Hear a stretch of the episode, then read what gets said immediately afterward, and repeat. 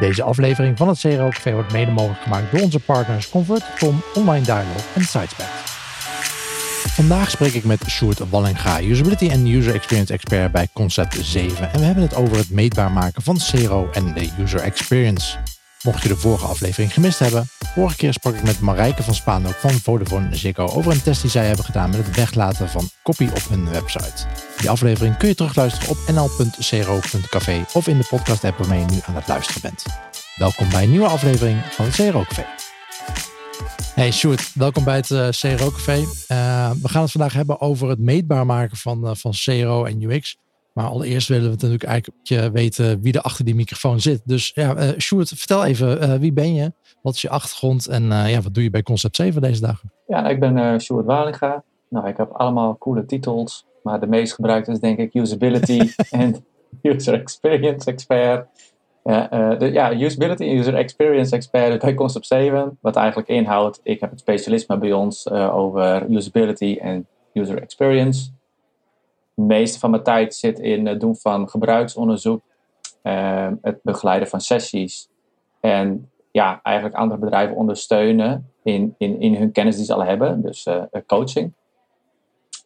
En verder ben ik nog docent bij Bekenstein Business School. Voor wie dat niet kent, dat is een instituut, een opleidingsinstituut in Nederland die uh, ja, voor volwassenenonderwijs, bijscholen en omscholen. En nou, het is een business school, dus ik uh, train daar voornamelijk managers van allerlei instanties.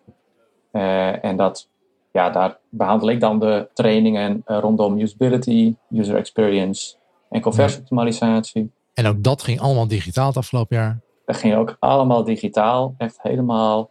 Nou, het wiel opnieuw uitvinden wil ik niet zeggen, maar het is wel schakelen. Ja. ja was bij Bekenstein al, al deels digitaal of was alles offline? Of hoe, hoe was dat voorheen? Ja, het was wel echt uh, uh, fysiek. En ik moet zeggen, ja, wat ik daar het meest prettig aan vind, is gewoon, je hebt geen risico's met digitale storingen en dat soort gekke dingen. En je kan veel beter interacteren met de deelnemers die je hebt. En ja. ik hoor van deelnemers, en die snap ik wel, is dat je, je bent al zoveel thuis en op kantoor. En dat, dat uit je. Dat, het even weg zijn, een nieuwe omgeving, dat missen ze. Ja, ja precies. Dat snap ik wel. Ja. Dat, dat missen heel veel mensen. En jij ook? Zeker. Um, hey, maar we gaan het vandaag hebben over um, uh, het meetbaar maken van, van CRO en, en, en user experience. Mag je ons eerst even gaan vertellen, ik hoop dat het een beetje een inkoppertje is voor, voor onze luisteraars, maar uh, mag je ons eerst even vertellen, wa waarom zou je überhaupt dat, dat meetbaar willen maken? Ja, het voordeel van meetbaar maken is dat, uh, althans voor mij zijn er voordelen. Ik hoef me minder vaak te verantwoorden en daarmee bedoel ik, als ik iemand probeert duidelijk te maken, het zij intern of onze klant, waarom je een wijziging zou moeten doorvoeren, dan kom je best wel ja, in een vurenpeloton te staan, om het even heel ongenuanceerd te zeggen. En het meetbaar maken helpt gewoon om jouw verhaal meer draagkracht uh, te geven. dus ja, als je gewoon cijfers kan laten zien, samen met het verhaal, dan heb je gewoon een, een, een veel betere business case. En je krijgt minder vragen. Nou, en het helpt sturen natuurlijk. Meten is weten. Ja. Is weten. Ik denk dat dat, nou ja, sowieso, ik, ik, hoop dat in CRO iedereen wel zo leeft, uh, wil ik bijna zeggen. Um, wat ik me wel afvraag, en ik ben benieuwd naar jouw ervaring daarin. Um, natuurlijk zijn wij allemaal met CRO heel erg graag van, uh, we willen ons meet, meetbaar maken, we willen op, op, data sturen. maar intern zitten we dan ook wel eens tegenover een, een andere afdeling ik noem een brandingafdeling bijvoorbeeld. Ja. Uh, die, die hebben die, die data überhaupt niet, maar die krijgen het misschien wel veel meer gedaan, want ja, dat is branding. Ja. En dan heb ik soms het idee van, ja, het helpt helemaal niet dat ik, dat ik dingen meetbaar maak. Nee. Um, want uh, dingen worden er toch doorgedrukt. Uh, het is toch branding of management wil het, de, de, de hippo wil het. Dus vertel ons, Short, hoe, hoe kan dit ons toch helpen? Ja, nou, je noemt wel een aantal dingen en ik ben bang. Althans, het is, ik heb voor mezelf een beetje de strijdbijl moeten begraven. Dat, ja, je kan gewoon in organisaties belanden. Daar zullen we ons hele leven mee moeten dealen dat die hippo's hebben of andere belangen die er gewoon doorheen drukken. Maar goed, als je in een prettige cultuur zit waar dat niet is, of veel minder, dan is branding wel een heel mooi topic. En dat heeft wel mee te maken, die vind ik ook een stuk lastiger, omdat branding ligt heel diep geworteld. Dat ligt echt in ons onbewuste brein. Daar kan een mens niet echt uh, vanuit het bewuste brein rationeel oordelen. Wat ik dan vaak doe, is uh, ik heb altijd aan een gesprek met diegene die over de branding gaat. En ik wil wel eerst weten wat de gedachtegang erachter is. Nou, dan kom je altijd op een stuk, bijvoorbeeld het logo. Uh, ja, dat is echt een stuk uh, bedrijfsidentity. Ja, dat kan ik niet echt meetbaar maken. Maar je komt ook op een gegeven moment bij het stuk uh, waarin je hele branding staat beschreven. Bijvoorbeeld je brand guide. En middels woordassociaties probeer ik dan wel een onderzoek op te zetten. Waarmee uh, ik kan toetsen of die, die, die, die brand identity of die overeenkomt met hoe mensen het waarnemen. Hè? Dus dat, dat, hoe mensen het perceiven. Om het even in ja. een Engels woord bij te pakken. En dat helpt vaak wel om beide partijen eigenlijk inzicht te geven. En met beide partijen bedoel ik dan enerzijds branding. En anderzijds ook uh, vakinhoudelijke specialisten. Het zij UX, het zij marketing, zelfs directie. Ja ja, alles waar het brandboek aan te pas komt en je op een bepaalde manier aan de buitenwereld wilt laten waarnemen, dat kunnen we wel toetsen en meetbaar maken. Ja. ja, en dat zijn natuurlijk dingen die vaak op de lange termijn plaatsvinden. En dat, dat, daar, daar wringt de schoen ook een beetje, denk ik. Zeker als je met, met CRO bezig bent. Nou, een experiment, dat run je in vier weken. Ja. Uh, of korter. En dan, dan uh, heb je ook resultaten in die, in die, in die timeframe. Maar in die timeframe wordt het lastig om, om brand effecten uh, te gaan meten. Dat klopt. En nog met CRO, nou, CRO even definiëren van oké, okay, uh, eh, optimalisatie op de website uh, met, met experimenten, als we het even zo nauw definiëren, ja. uh, versus de hele user experience. Bij, bij user experience, dan, dan kom je ook wel, denk ik, vaak nog dingen tegen die je niet echt super meetbaar kan maken op, op de korte termijn. Of misschien niet meetbaar in, in, in termen als ROI, zeg maar, van, van oké, okay, ja, wat, wat gaat het ons opleveren? Uh, als, we die, als we die zoekfunctionaliteit uh, verbeteren, ja, weet ik veel. Uh, maar we hebben al, al elke keer, elke maand, als wij gebruikersonderzoek doen, vijf van de zes klanten die klagen over de gebruikers. over de gebruikersfunctionaliteit die, die die zoekfunctionaliteit wel of niet heeft. Ja. hoe, hoe ga je daarmee om? Nou, ook dit vind ik zo'n prachtig vraagstuk. een stukje context. Ik had vorige week, twee weken geleden, had ik nog een kennissessie met een verzekeraar in Nederland. Die had mij ook uitgenodigd op dit stuk. En toen zei een van de jongens ook heel mooi van oké, wij hebben een beetje uh, uh, het punt dat onze organisatie heeft een CRO-afdeling en een UX-afdeling. Volledig los van elkaar opererend. Okay. Nou, ze zijn bezig hoe dat beter kan samenwerken. En dan zegt hij ook van ja, weet je, CRO heeft meer het belang, uh, of meer het commercieel belang. En zorgen dat iemand verzekering afsluit of iets in die richting. Maar hij zegt, ja, ik zit een beetje met het probleem vanuit mijn UX-kant. Uh, eh, als iemand schade heeft en die wil uh, dat indienen, dan is het uploaden van zijn formulier helemaal zo gebruiksvriendelijk niet. Ja. Dus die loopt er dan tegenaan van, ja, hoe maak ik een business case voor CRO voor, die, voor het uploaden gemakkelijk maken? Want ze zitten ja, er ook voor bestaande klanten, zeg maar. Ja, als je ja, als, als CRO heel gericht bent op, op sales, op, op nieuwe klanten, en en het is misschien niet eens de, de, zozeer de schuld van CO-team, maar dat, dat, ja, je krijgt gewoon je, je metrics of je, je, je doelen opgelegd van, van management. En als dat gericht is op uh, korte termijn sales, ja, dan ga je daarvoor optimaliseren. En uh, ja, wat maakt het uit, hè? Eh, retention of dat, dat valt dan buiten de boot. Nou ja, of ze staan er niet bij stil. Ja, soms inderdaad valt het gewoon buiten de boot. Maar Kijk, het, het, het, klinkt ook gek als je zegt: Oké, ik wil het aantal conversies op uh, geüploade schadeformulieren bij wijze van uploaden. Dat is raar, dat, dat wil ja. verzekeraar niet. Maar loyaliteit is wel een belangrijke. Kijk, en als iemand iets heeft, wat de meeste mensen doen het niet opzettelijk, en dan is dat heel lastig, dan kan dat wel, uh, als het bijvoorbeeld zakelijk is en het is, het is onderdeel van je werk, ja, dan kan het wel ervoor zorgen dat je uh, een alternatief zoekt die dat beter voor elkaar heeft. Omdat het je werk bijvoorbeeld aangenamer maakt. Ja.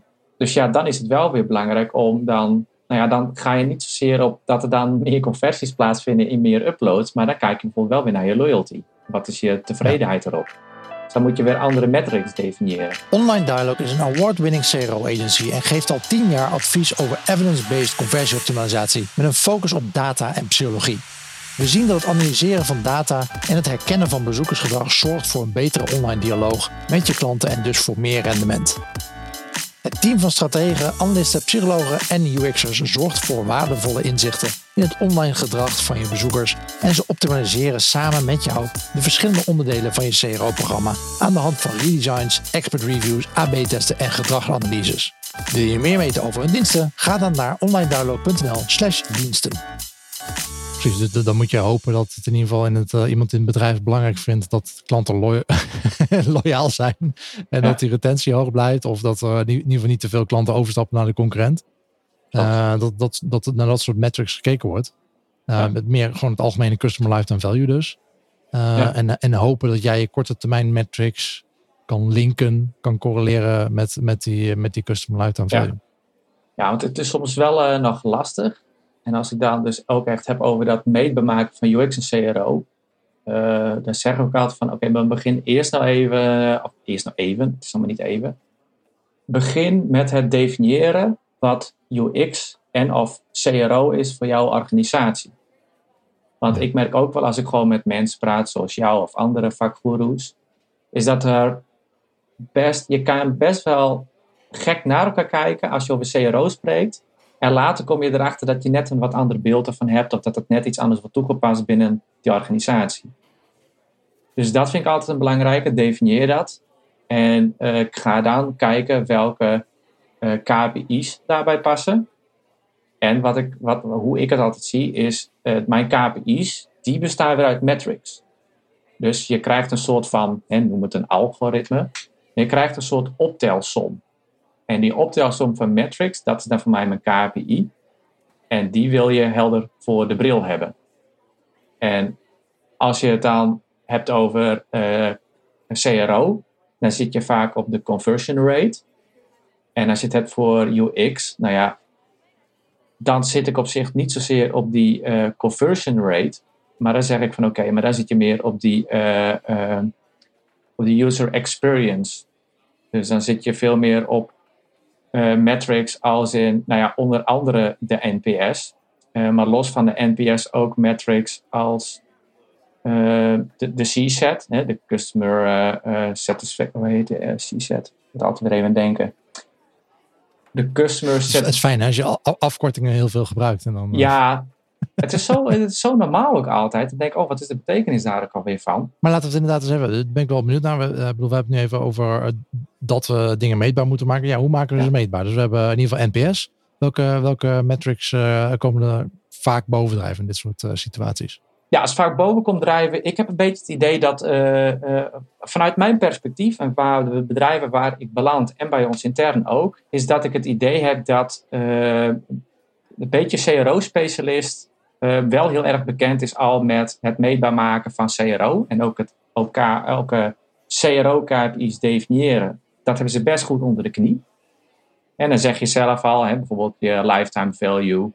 Of voor uh, lead gen is het bijvoorbeeld uh, uh, een, een, een average action to scale of per percentage of new users, page views per session of nou whatever. En voor e-commerce is het vaak een return on ad spend of je shopping cart abandoned rate. Nou ja, weet je, zo heb je tal van andere. En als je die opsplitst per fase, bijvoorbeeld het AIDA-fase, nou dat is voor de meesten ook geen nieuwe wetenschap, dan merk ik dat ze daar heel goed wel mee uit de voeten komen. Maar als het dan gaat om het meetbaar maken van UX, dan wordt het vaak als het lastiger gezien. Of bedrijven hechten gewoon heel veel waarde aan enkel die NPS. En ik wil niet zeggen dat de NPS slecht is, maar ik zou persoonlijk nooit durven berusten op alleen maar die NPS-score. Dat die gewoon te veel zwakheden kent. Dus wat ik dan adviseer is, je wil eigenlijk meerdere metrics hebben binnen je uh, user experience. Om een soort customer experience index te krijgen. En die kun je op meerdere niveaus doen. En uh, als je het hebt over NPS, dat is heel erg vanuit je bewuste brein en heel erg momentum. Ja, als ik uh, nu een uh, hele slechte. Uh, als ik denk van hey, deze podcast gaat heel slecht, dan, dan beoordeel ik het heel negatief. maar het kan maar zo zijn als jij me later terugbelt van hey, nou we moeten misschien even overnieuw doen en sorry en dit. En dat ik dan zeg, oh ja, weet je, nu ben ik weer heel blij. dat schommelt. Ja.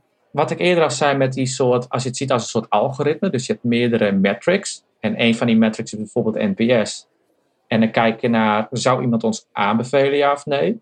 Op bepaalde punten, bijvoorbeeld in e-mail, nadat iemand telefonisch contact heeft gehad, of een product heeft gekocht, of nou ja, noem maar op.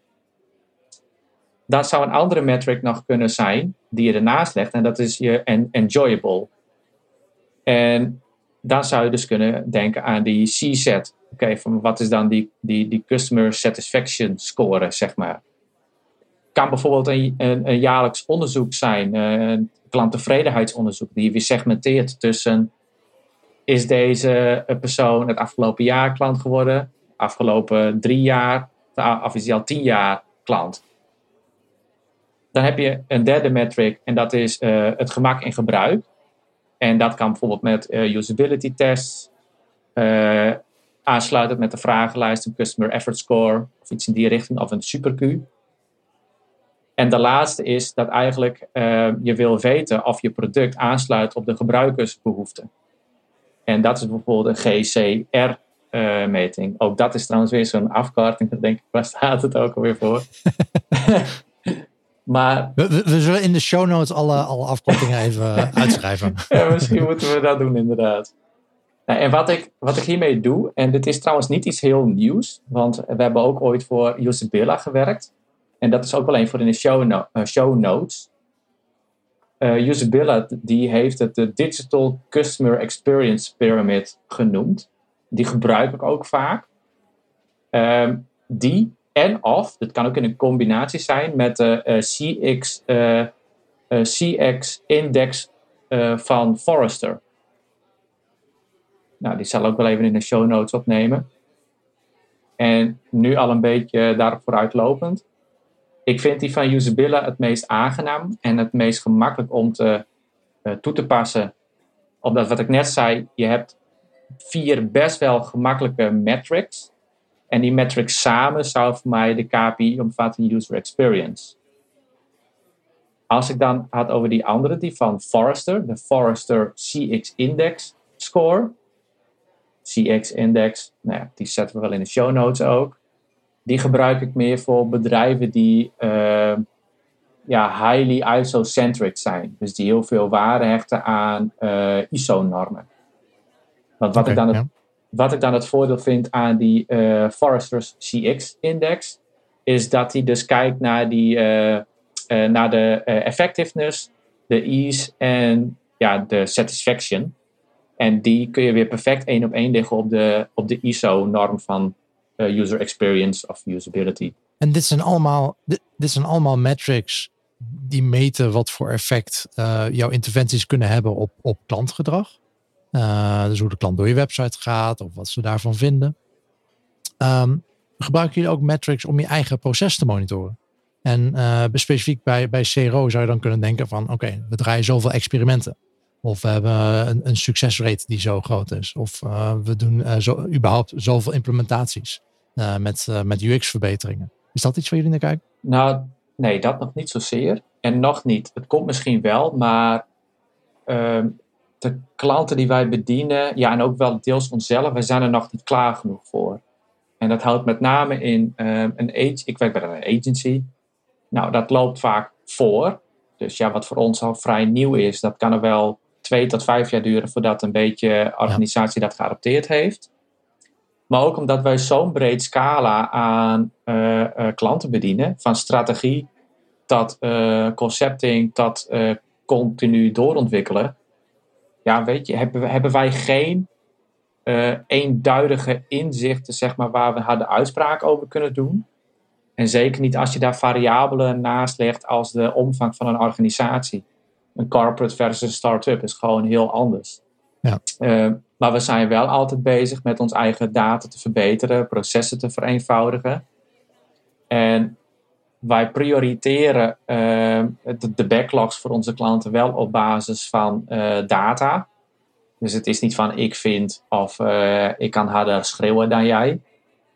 en ook niet omdat ik, omdat ik 20.000 miljoen jaar ervaring heb, waarvan de eerste helft als kok en de tweede pas als UX-designer is mijn stem zwaarder. Nee. we proberen deels binair en deels op basis van labels. Maar we willen dat het komende jaar wel uitbreiden naar een meer predictive model. Die ook een berekening maakt in je kosten en je baten. En wat dus een van die uitdagingen is, en je noemde hem zelf al, is sommige dingen is heel lastig meetbaar, omdat ze uh, pas zichtbaar zijn op een langere termijn. Ja. Dus ergens moet je ook uh, niet zozeer sturen op doorvoeren van nieuwe experimenten, maar de ondernemer uh, of, of, of, een manager uh, helpen in ehm, risico's inperken. Daar draait het om. Dus als je al iets gaat doen, wat dan de waarschijnlijkheid is dat het een positief resultaat oplevert. Dat is dan soms het beste wat je kunt doen. Sitespec biedt wereldwijd een unieke AB-testing, personalisatie en product recommendation oplossing. Sitespec werkt server-side, dus zonder tags of scripts, waardoor er een optimale performance gegarandeerd is. De Sitespec oplossing elimineert vertraging en kans op knippereffecten. Tevens zorgt deze aanpak ervoor dat de huidige en toekomstige browser security regels zoals ITP en ETP geen impact hebben op het AB-testen en personaliseren met Sitespect. Voor meer informatie hierover ga je naar sitespect.com. Ja. ja, dat is wel interessant inderdaad, want uh, bij CRO wordt natuurlijk vaak gedacht van uh, we willen dingen beter maken. Uh, maar eigenlijk is risk management misschien wel een veel betere ja. inzet zeg maar, van, van CRO. Om te kijken van oké, alle wijzigingen die wij op dagelijkse basis uh, doorvoeren. Laten we ervoor zorgen dat we in ieder geval voor zorgen dat het niet slechter wordt. Ja, op zijn minst. en dat... en, en een stapje verder is natuurlijk dat we het beter willen maken. Maar ja, al, al, dat zullen veel CRO mensen denk ik beamen. Dat ja, het is af en toe een beetje dweilen met de kraan open. Dat je verbeteringen doorvoert. Uh, en jij doet dan uh, nou, hoeveel verbeteringen jij als CRO-specialist ook daardoor krijgt uh, per maand. er worden altijd veel meer verbeteringen alsnog gedaan, zomaar. Klopt. zonder dat ze überhaupt gevalideerd worden. Nee, dat is absoluut waar. En ehm, nou ja, jij zit ook al een flinke tijd in het vak. En ik denk wel dat je de gedachte kan delen ook. Van je kan nog zoveel ervaring hebben, nog zoveel kennis. Je kan nog zo'n goed proces hebben. Ehm, in die end a fool with a tool is still a fool. Maar ook, je bent zo afhankelijk ook van je collega's, processen, gelaagdheid. Daar kan zoveel misgaan.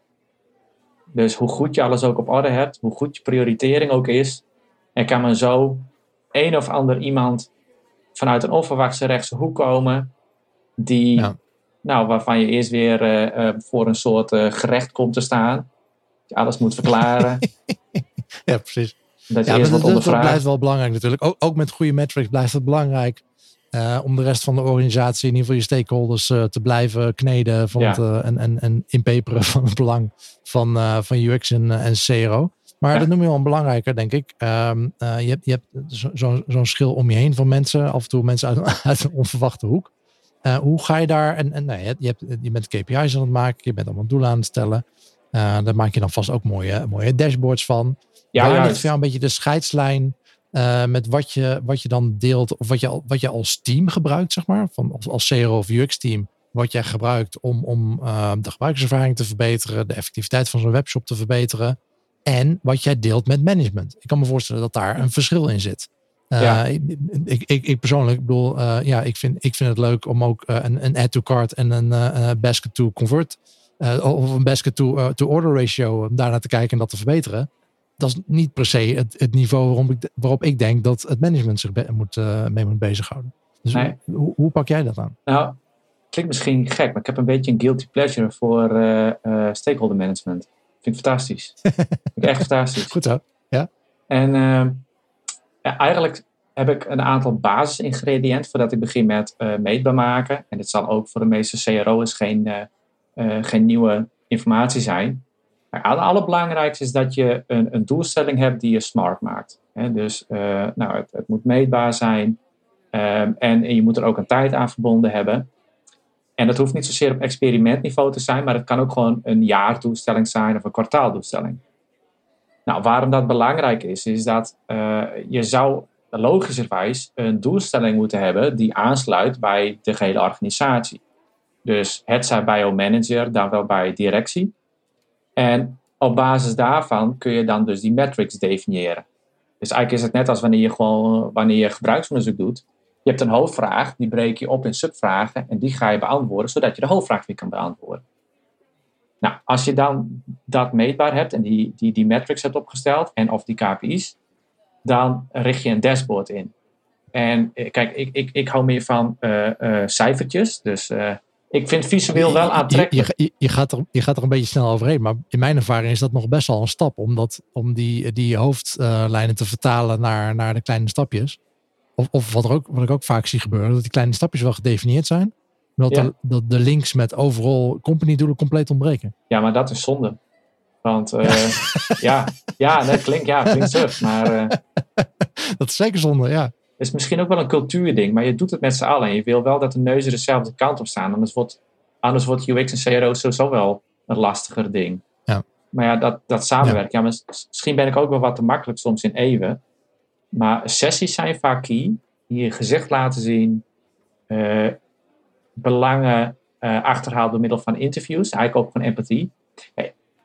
als je gebruiksonderzoeker bent, dan moet je altijd voor waken dat je niet alleen gebruiksonderzoek moet doen naar de organisatie, dus dienst klant, maar ook intern.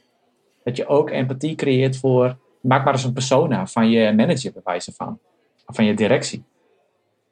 En dat helpt ook al heel erg om begrip te krijgen. En ja, ik vind een van de standaard dingen dat je ook gewoon moet weten, waar doen we dit allemaal voor? Ja. En als je dat dan, nou ja, dan het KPI's uh, opstelt, en het hoeft heus niet alleen, liever zelfs met het team. Dus betrek daar je stakeholders bij. Want ik merk wel, hoe meer je dat doet, ondanks de lastige agenda's, in die end heb je daar veel meer baat bij. Dus ik ga dan liever niet voor snel, maar voor goed. Want dat scheelt een hoop uh, uh, achteraf nog alles moeten toelichten. Ja, dan creëer je ook wel begrip natuurlijk bij, bij je collega's. En ook begrip van jou voor je collega's met, ja. met wat zij aan het doen zijn. En wat ze überhaupt kunnen beïnvloeden. Ja, exact. En maak het zo interactief mogelijk. Want dan vinden ze het ook nog leuk om mee te doen. Dan denken ze, oh, maar dit is veel leuker dan die saaie vergadering van uh, twee uur straks. Dus dan gaan ze wat uh, meer uh, richting jou leunen. Um, nou, maar als je dan zo'n zo'n zo'n dashboard hebt, op basis dus van alleen dat wat nodig is om te weten. Want je kan zoveel bijvoorbeeld uit de Google Analytics halen, maar kijk nou eens naar alleen dat wat relevant is. Anders dan ja, vind ik het lastig om te focussen. Waar kijken we nou naar? Nou, dat helpt dus uh, in het sturen. En als je dus die KPI's uh, uh, inzichtelijk hebt in zo'n dashboard, maak het dan visueel. En kijk, hier zit een beetje de, nou ik wil het geen magie noemen, maar het klinkt wel lekker. Wat wat je, wat je kunt doen met zo'n dashboard, is, is even goed realiseren voor wie is het dashboard. En misschien moet je niet één hebben, maar meerdere dashboards.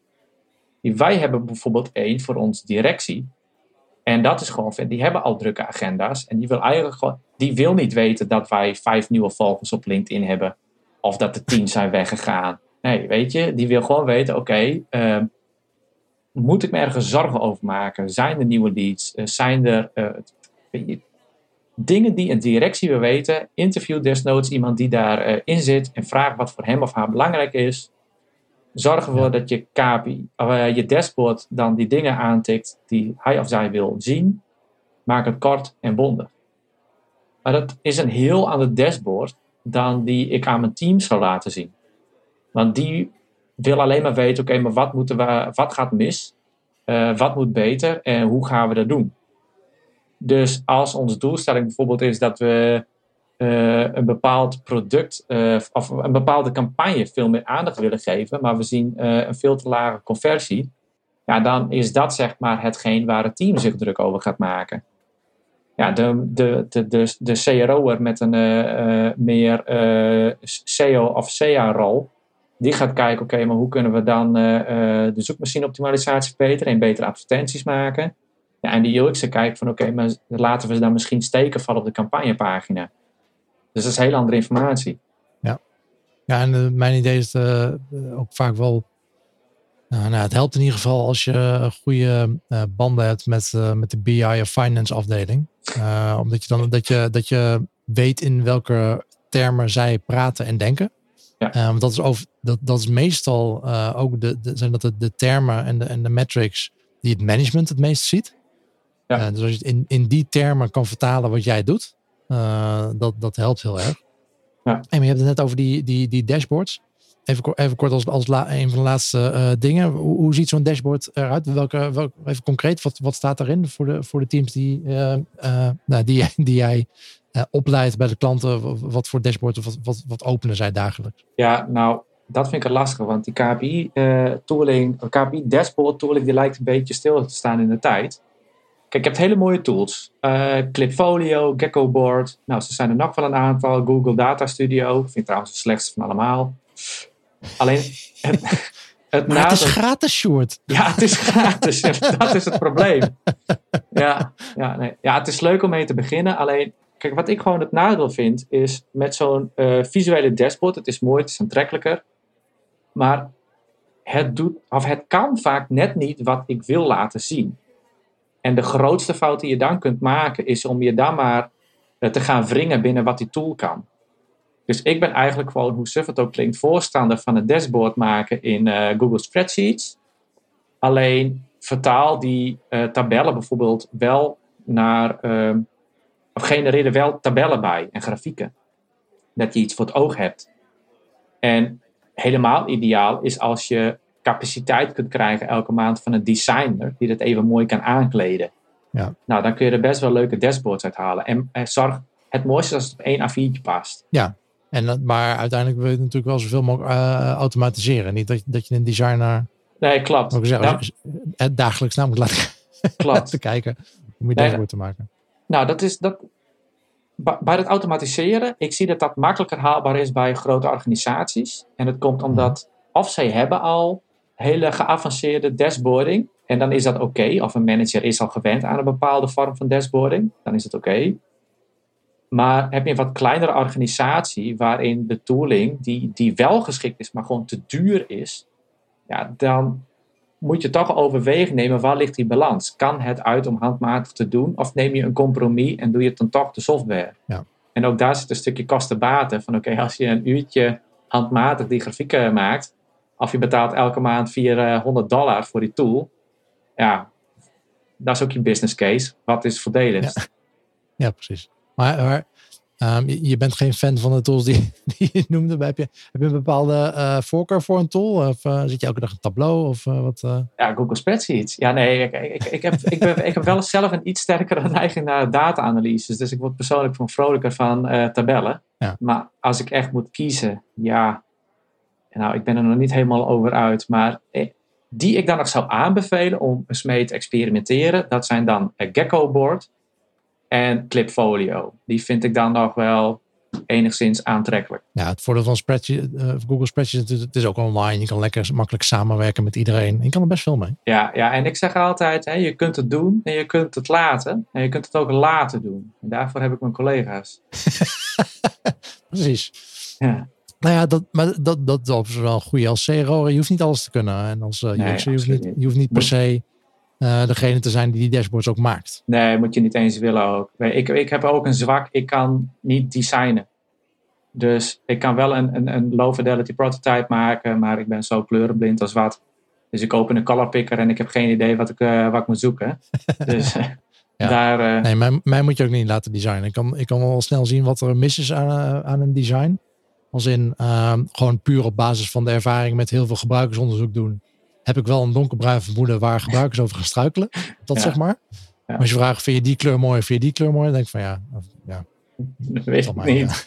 Daar is de designer voor. ik, kijk, ja, ik kijk alleen maar, is het design ondersteunend aan het gebruiksgemak? En zo niet, ja, dan kom ik met legitieme redenen. En anders ja, best. Ja, precies. Als het, als het niet hindert uh, aan, uh, aan de beleving en uh, aan, het, aan de gebruikservaring. En niet, als, als die knop gewoon kan zien, zeg maar. Als jij niet een. bedoel, ghost buttons zijn vaak al een hellend vlak. Ja. Dus als mensen dat niet kunnen zien, maar verder, ja. ja. Inderdaad, je hoeft niet alles te kunnen als CRO. Nee. We hebben het over CRO KPI's en, en UX KPI's. Maak je daar nog verder, verder een onderscheid in? Zijn, zijn specifieke zaken, zijn zaken specifiek voor, voor UX daarin? Ja, voor uh, eh, UX, als ik kijk naar mijn uh, eh, KPI's voor UX, dan maak ik onderscheid uh, in behavioral KPI's en, ik hoop dat ik het goed uitspreek, attitudinal KPI's. Oftewel ja. even vertaald. KPI's die iets zeggen over iemands gedrag en KPI's die iets zeggen over iemands houding. Omdat wat mensen zeggen is vaak anders dan wat ze doen. Dus als ik dan heb over behavioral KPI's, dan kijk ik naar bijvoorbeeld de task success rate, average uh, task time, uh, task level satisfaction, de error rate en bijvoorbeeld de farm completion rate. En als ik kijk naar attitudinal KPI's, dus je houding, dan zit ik meer op het uh, bewuste brein. En dan kom ik op vragenlijsten zoals de NPS, heb je hem weer. De Customer Satisfaction, de CSAT. Uh, customer Average Score, System Usability Scale of de Goal Completion Rate. Oké. Okay. Hey Sjoerd, dankjewel. we zijn alweer door onze, onze tijd heen. Ja. dank voor het delen van deze informatie. En als, als een van de laatste, of laatste vraag, waar, waar ga je het komende jaar mee bezighouden? Wat zijn zeg maar jouw ambities op dit vlak? Ja, nou, ik spoilde, spoilde natuurlijk al een beetje. Uh, we, we, prioriteren nu al op basis van data. En om ook al daar een beetje op te, een in, kijkje in te geven. Uh, als iets op intuïtie binnenkomt, krijgt het een lage score. maar uh, we willen dat. Nou, het is, het is een spreadsheet met onder andere binaire, uh, nou ja, gewoon nulletjes en eentjes. Wel of niet doen. Ja. Ehm, en wat labeltjes, bijvoorbeeld de impact op techniek of moet het uitbesteed worden. Nou, dat willen we eigenlijk verder optimaliseren, nadat we echt keuzes kunnen maken op basis van ratio. Maar dat we daar ook gelijk een kosten-batenanalyse aan uh, koppelen. Dat je ook gelijk kan zien wat de risico's zijn of waar het risico's inperkt. En wat dan de kosten zijn tegen, uh, tegenover de opbrengsten. Kom, ja, nou, ik, ik heb, uh, ik heb zo'n tabelletje ook afgelopen kwartaal gemaakt. Dus ik ga je na, als, als ik op stop druk, van de recording, ga ik jou dat laten zien. En misschien dat we daar nog een keer een aflevering over, over kunnen doen. Lijkt me ja. leuk. Het tof. Helemaal goed. Hey Sjoerd, dankjewel voor het delen van al deze, deze informatie en uh, hoe jullie omgaan uh, met KPI's. Supergoed om te weken, weten en uh, spreek je snel weer. Graag gedaan. Thanks. Doei doei. Hoi. En dat brengt ons aan het einde van deze aflevering met Sjoerd Wallinga. En de show notes kun je zoals altijd terugvinden op nl.cero.café. Spreek je snel weer en always be optimizing.